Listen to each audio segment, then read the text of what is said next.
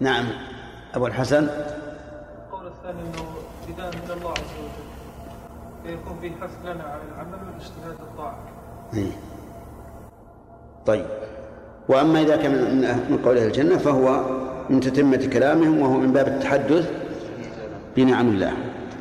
ثم قال الله عز وجل وهو ابتداء درس اليوم وترى الملائكة ما أخذناه فوائد؟ منين؟ سبحان الله.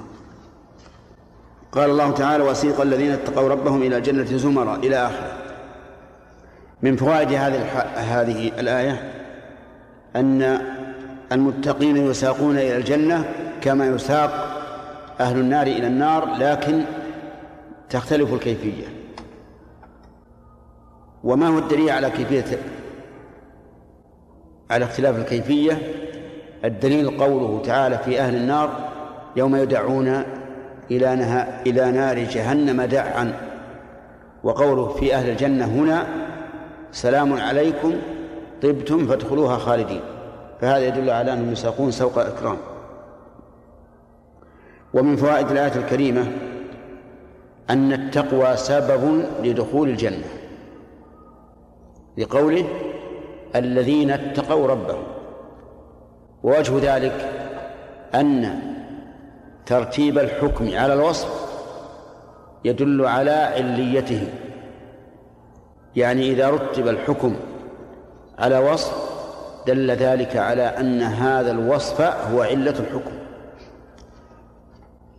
فالسياق إلى الجنة هنا سببه إيش؟ التقوى. إذن تفيد الآية أن التقوى سبب لدخول الجنة. ويؤيد هذا قوله تعالى أعدت للمتقين الذين ينفقون في السراء والضراء إلى آخره.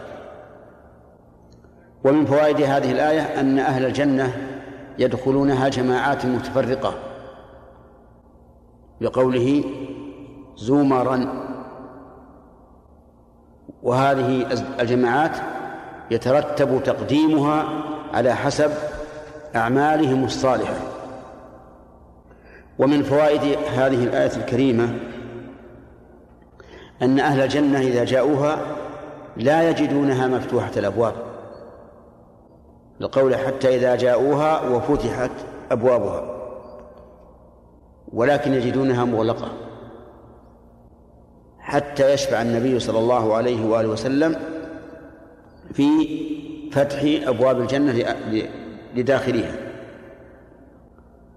ومن فوائد هذه الآية الكريمة أن للجنة أبوابا. وقد ثبت في الصحيح أن أبوابها ثمانية. ويترتب على هذه الفائدة ما ثبت من أن رحمة الله تعالى سبقت غضبه وأن عطاءه أكبر وأعظم من منعه. لأن أبواب النار سبعة وأبواب الجنة ثمانية. ومن فوائد هذه الآية الكريمة إثبات أن للجنة خزنة. لقوله وقال لهم خزنتها فيتفرع على ذلك أو يتفرع على هذه الفائدة كمال تقدير الله سبحانه وتعالى للأشياء وأن كل أشياء كل الأشياء منظمة محفوظة مرتبة. ومن فوائد الآية الكريمة إثبات أن الملائكة ينطقون ويتكلمون لقوله وقال لهم خزنتها. ومن فوائدها أن الجنة دار دار السلام. السلام من كل آفة. لقول الخزنة سلام عليكم. ومن فوائدها أن الله جمع لهم أي لأهل الجنة بين السلامة من الآفات وطيب الأحوال والأوقات. بقول السلام عليكم طبتم. فجمعوا بين فجمع لهم بين نفي الآفات وطيب الأحوال والأوقات ومن فوائدها أي فوائد الآية الكريمة الإذن لهم على وجه الإكرام بدخول الجنة لقوله فادخلوها خالدين ومن فوائدها الفرق التام العظيم والت... آه نعم الفرق التام والتباين العظيم بين ما يقابل به أهل الجنة وأهل النار. أهل النار يقابلون بالتوبيخ. ألم يأتكم رسل منكم يتلون عليكم آيات ربكم إلى آخر.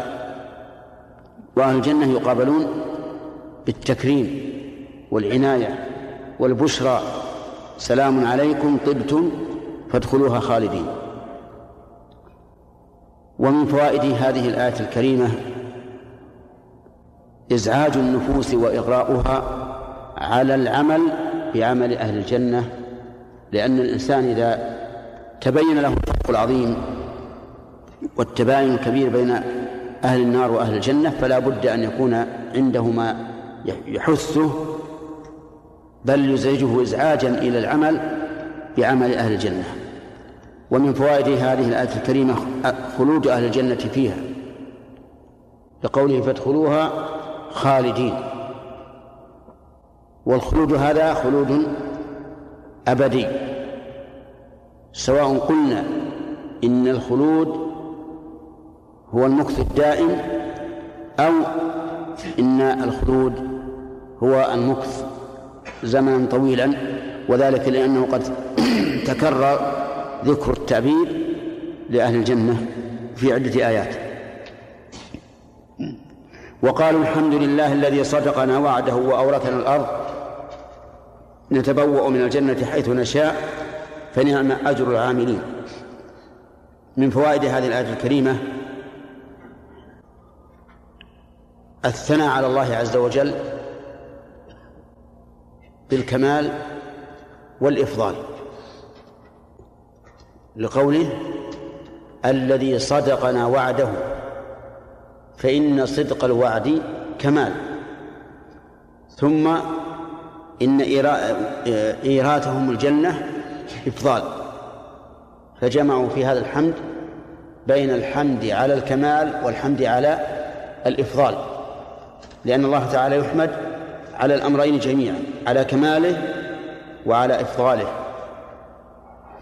فيكون هذا الحمد جامعا بين إيش؟ بين الحمد والشكر.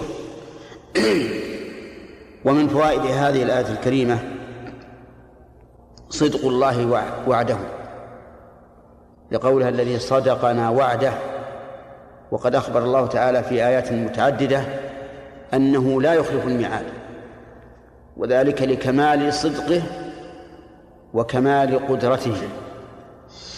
فإن إخلاف الوعد إما أن يكون لكذب الواعد وإما أن يكون لعجز الواعد وكلاهما مما ينزه الله عنه فيكون فيه كمال الصدق وكمال القدرة.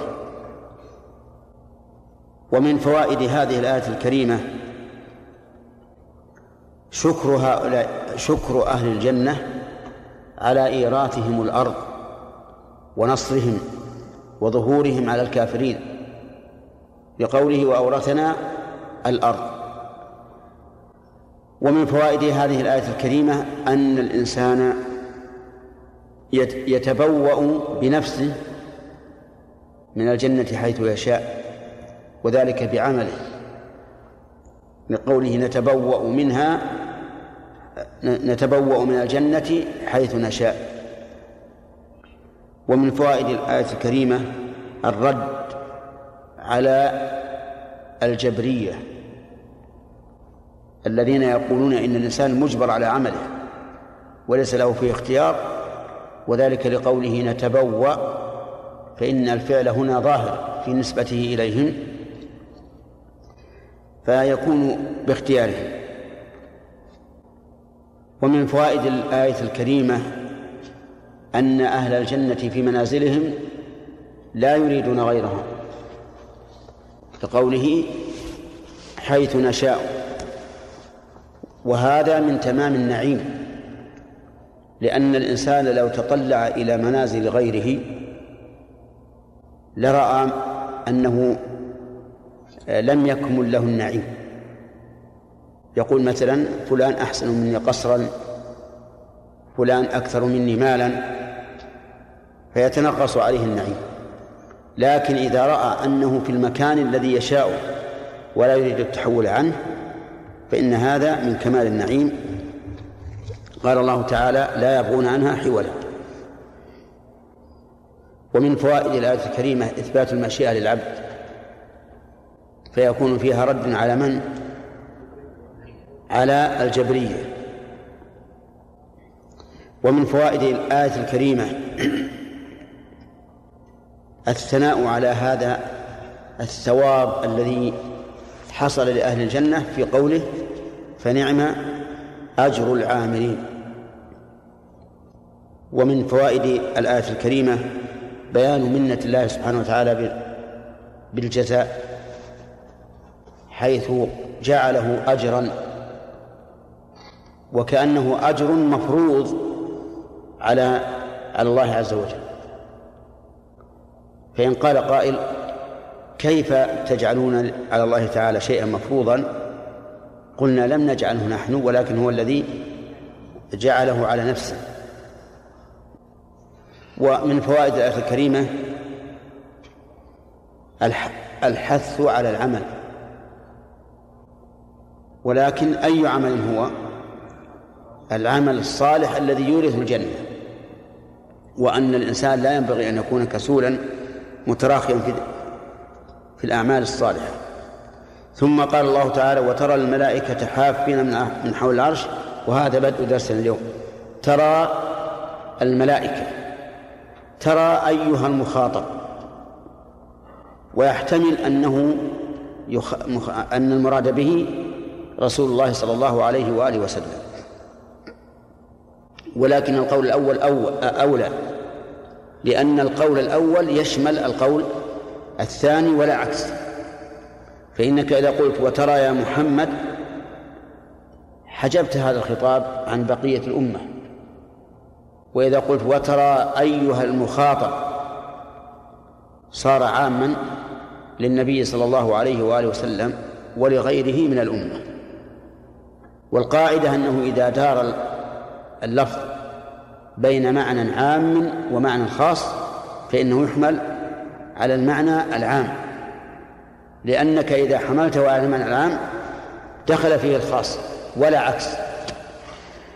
وقوله الملائكة جمع ملك والملك في الأصل هو الرسول. والملائكة جعلهم الله تعالى رسلا. وهم عالم الغيب قائمون بأمر الله عز وجل مخلوقون من نور. ولهذا ليس فيهم معصية لأنهم خلقوا من النور.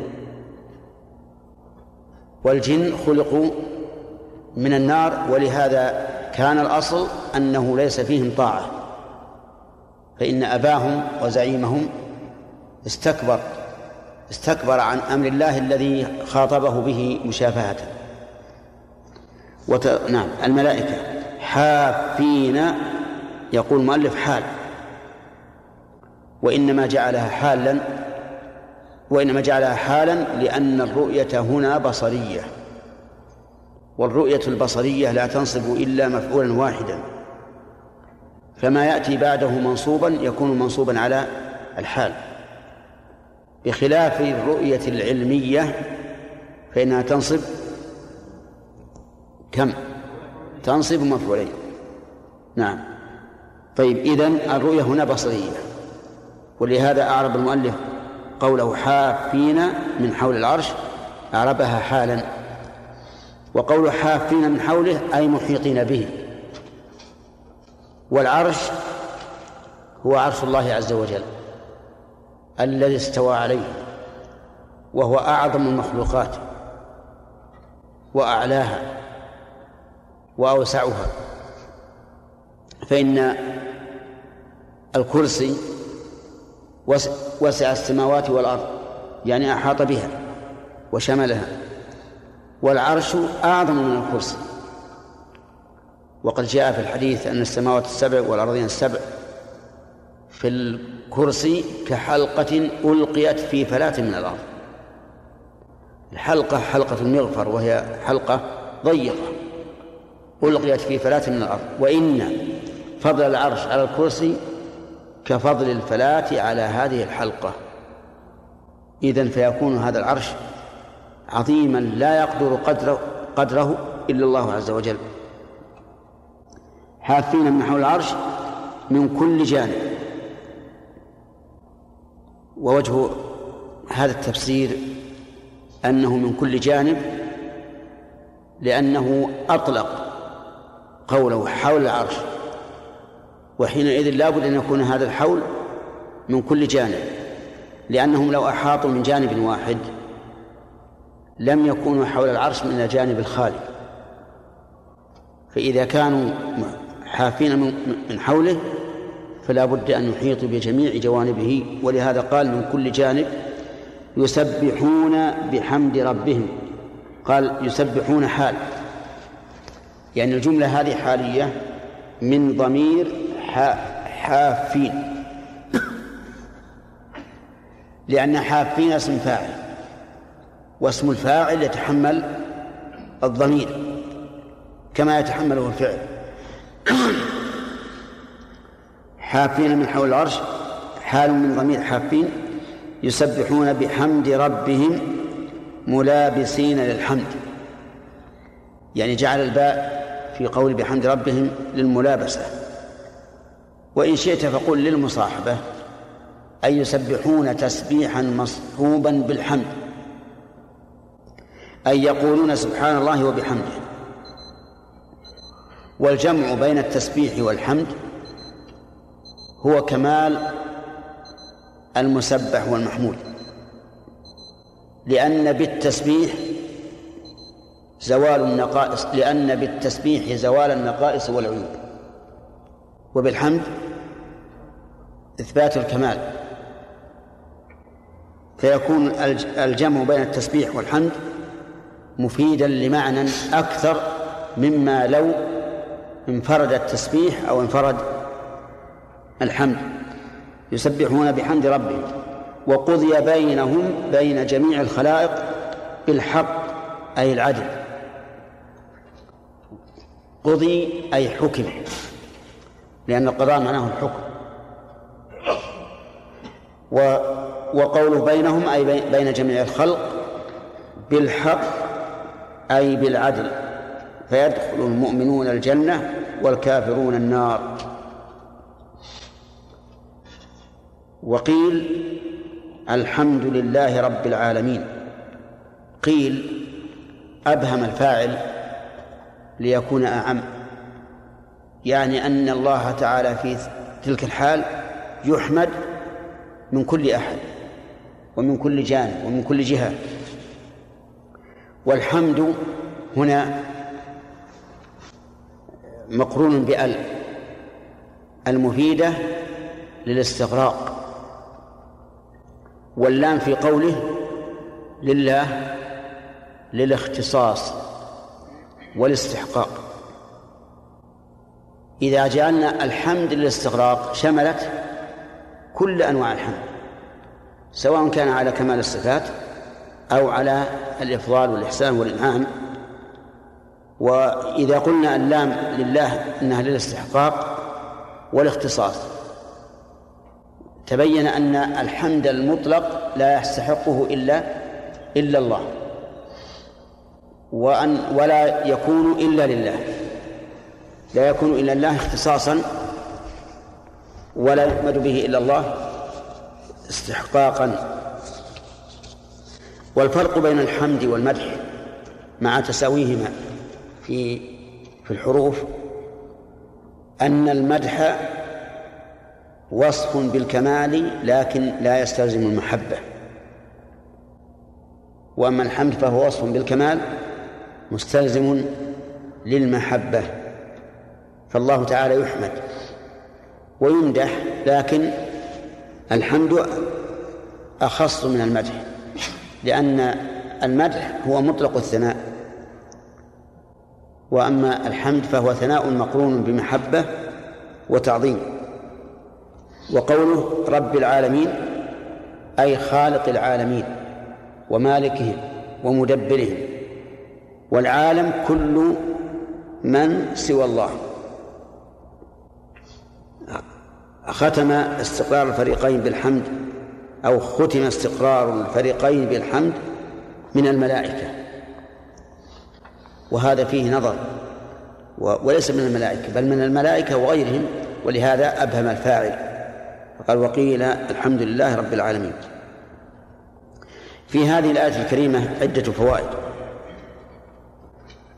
أولا إثبات الملائكة لقوله وترى الملائكة حافين من حول العرش. ومن فوائدها إظهار عظمة الله في ذلك اليوم حيث تحف جنوده بعرشه وهذا من مظاهر العظمة. وكمال السلطان أن يرى الجنود حافين بمالكهم وخالقهم وسيدهم سبحانه وتعالى. ومن فوائد الآية الكريمة إثبات العرش لقوله من حول العرش ومن فوائد من فوائد الآية الكريمة الثناء على الملائكة وذلك بحسن انتظامهم بحفهم من حول العرش. وهذا حسن فعلي. وبكونهم يسبحون الله بحمده وهذا حسن قولي. فيجمعون بين تعظيم الله تعالى بالفعل وتعظيمه بالقول. ومن فوائد الآية الكريمة اختيار الجمع بين التسبيح والحمد. لقوله يسبحون بحمد ربهم. وذلك لأن بالتسبيح زوال إيش؟ النقص والعيب وبالحمد إثبات الكمال طيب ومن فوائد الآية الكريمة أن أن الله سبحانه وتعالى رب لهؤلاء الملائكة مع عظمهم بقول يسبحون بحمد ربهم وأن ربوبيته للملائكة ربوبية خاصة بدليل الإضافة ومن فوائد الآية الكريمة أن الله تعالى يقضي بعد هذا كله بين الخلق بالعدل لقوله تعالى وقضي بينهم بالحق أي حكم بينهم. والقضاء قضاء الله تعالى نوعان كوني وشرعي. فالشرعي مثل قوله تعالى وقضى ربك ألا تعبدوا إلا إياه. يعني وصى أن لا نعبد إلا الله. وقضاء كوني مثل قوله تعالى وقضينا إلى بني إسرائيل في الكتاب لتفسدن في الأرض مرتين. فإن هذا لا يمكن أن يكون قضاء شرعيا لأن الله لا يقضي بالفساد. ولكنه قضاء كوني. وبهذا نعرف الفرق بين القضاء الكوني والشرعي. فالكوني فيما يحب وما لا يحب والشرعي فيما فيما يحب. والفرق الثاني أن الكوني لا بد من وقوع المقضي والشرعي لا لا نعم لا يلزم منه وقوع المقضي إذ قد يقع قد يقع وقد لا يقع. ومن فوائد الآية الكريمة أن القضاء في ذلك اليوم قضاء بالعدل ليس فيه جور بوجه من الوجوه. لقوله بالحق. ومن فوائدها حمد الله سبحانه وتعالى في ذلك اليوم الذي يتم يتم فيه الأمر. وقيل الحمد لله رب العالمين. وإذا قارنت بين هذا وبين قوله تعالى الحمد لله الذي خلق السماوات والأرض تبين لك أن الله تعالى محمود في أول الأمر وآخره. في أول الأمر في قوله الحمد لله الذي خلق السماوات والأرض. وفي آخره بعد أن قضي بين الخلائق بالحق قيل الحمد لله رب العالمين. ومن فوائد الآية الكريمة بيان استحقاق الله تعالى للحمد كله لقوله الحمد لله. وأل ذكرنا أنها للاستغراق واللام للاختصاص والاستحقاق. ومن فوائدها إثبات عموم الربوبية لقوله رب العالمين والعالمون كل من سوى الله. قال بعض العلماء وإنما سموا بهذا لأنهم عالم على خالقهم. ففي كل شيء له آية تدل على أنه واحد. نعم. قال بعض أهل العلم في تفسير قوله تعالى يسبحون بحمد ربهم ان التسبيح على للتلذذ لا للتعبد لأن لا تكفي في ذلك اليوم. نعم. ما رايك؟ رأينا أن هذا قول باطل. بل وللتعبد ولكنهم يتلذذون بالعبادة. يعني يشعرون بأنهم خاضعون لله متذللون له. وأما قوله لا تكليف في ذلك اليوم فهو أيضا باطل. ففي ذلك اليوم تكليف أليس أليس الله يقول يوم يكشف عن ساق ويدعون إلى السجود فلا يستطيعون؟ ففيه تكليف. ومن نفى التكليف في ذلك اليوم فقد أخطأ وغفل عن النصوص الدالة على أن فيه تكليفا. ورد عن بعض السلف أن الكرسي موضع قدم الله عز وجل. نعم. كالإمام أحمد وغيره. نعم. وعن ابن عباس أيضا. ورد عن ابن عباس رضي الله عنهما أن الكرسي موضع القدمين. ف وقال بعض العلماء إنه بالنسبة للعرش كالدرجة. نعم. الشرافي شيخ بارك الله فيكم. يرد معنا كثيرا القضاء الكوني والقدر الكوني والحكم الكوني والشرعي هنا كثير. نعم. والفروق بينهم نفس الفروق. نعم. صحيح؟ نعم؟ هو هذا. هذا هو. نعم. هو هذا. القضاء والحكم. نعم. والإرادة. لا معنى الإرادة غير الحكم. الحكم قد يكون بمعنى القضاء لكن الإرادة غير. إنما هي تنقسم هذا التقسيم كما هو واضح. ما في إشكال.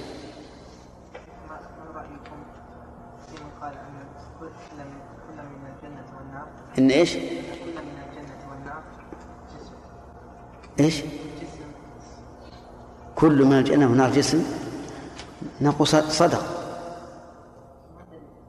كيف الدليل ما هي عرضها السماء في الأرض؟ وما الله يضع رجله على النار حتى ينزوي بع- ينزوي بعضها إلى بعض؟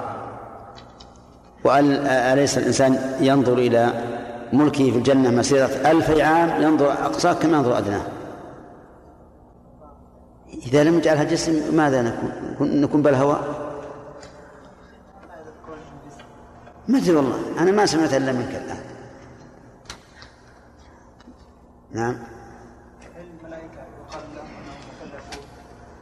نعم. نعم. لأنهم يقول لأنهم يستجيبون لله عز وجل. لا يعصون الله ما أمرهم ويفعلون ما يأمرون. ف- فنفي العصيان عنهم يدل على أنهم يكلفون بالشيء. وعلى أن العصيان منهم ممكن. عقلا لكنهم لا يعصون الله ما أمرهم. نعم. ذكرتم عفوا عنكم أن أهل الجنة آه، في الجنة يعني في نعيم تام نعم. فهم آه، يعني راضون بمكانهم في الجنة. فما توجيهكم لقول ابن القيم بأن ذكر الله أمان من الحسرة في الجنة؟ أمان إيش؟ أمان من الحسرة. نعم. واستدل بحديث آه، أن أهل الجنة لا يتحسرون إلا على ساعة مرت في الدنيا لم لم يذكروا لم يذكروا الله فيها. نعم. فهل هذه الحسرة يعني تتوجه مع قولنا في النعيم؟ لا. هو ذكر بأن هذه الحسرة يعني لأنهم ينظرون فيما سبقهم نعم. ومن هو أعلم. لا هذا ليس حسرة. هذا هذا تمني. يعني يتمنون أنهم فعلوا ذلك. وتمني الشيء لا يدل على الحسرة. ولا يمكن أن يكون في الجنة حسرة بمعنى الندم والانقباض مثلا لأن هذا ينافي كمال النعيم نعم. وترى الملائكة حافين من حول العرش. هل يدل هذا على أن العرش جوانب وأركان؟ بلى. وهو كذلك. والحديث الثابت في الصحيحين أيضا أن أن موسى يكون آخذا بقوائم العرش. نعم.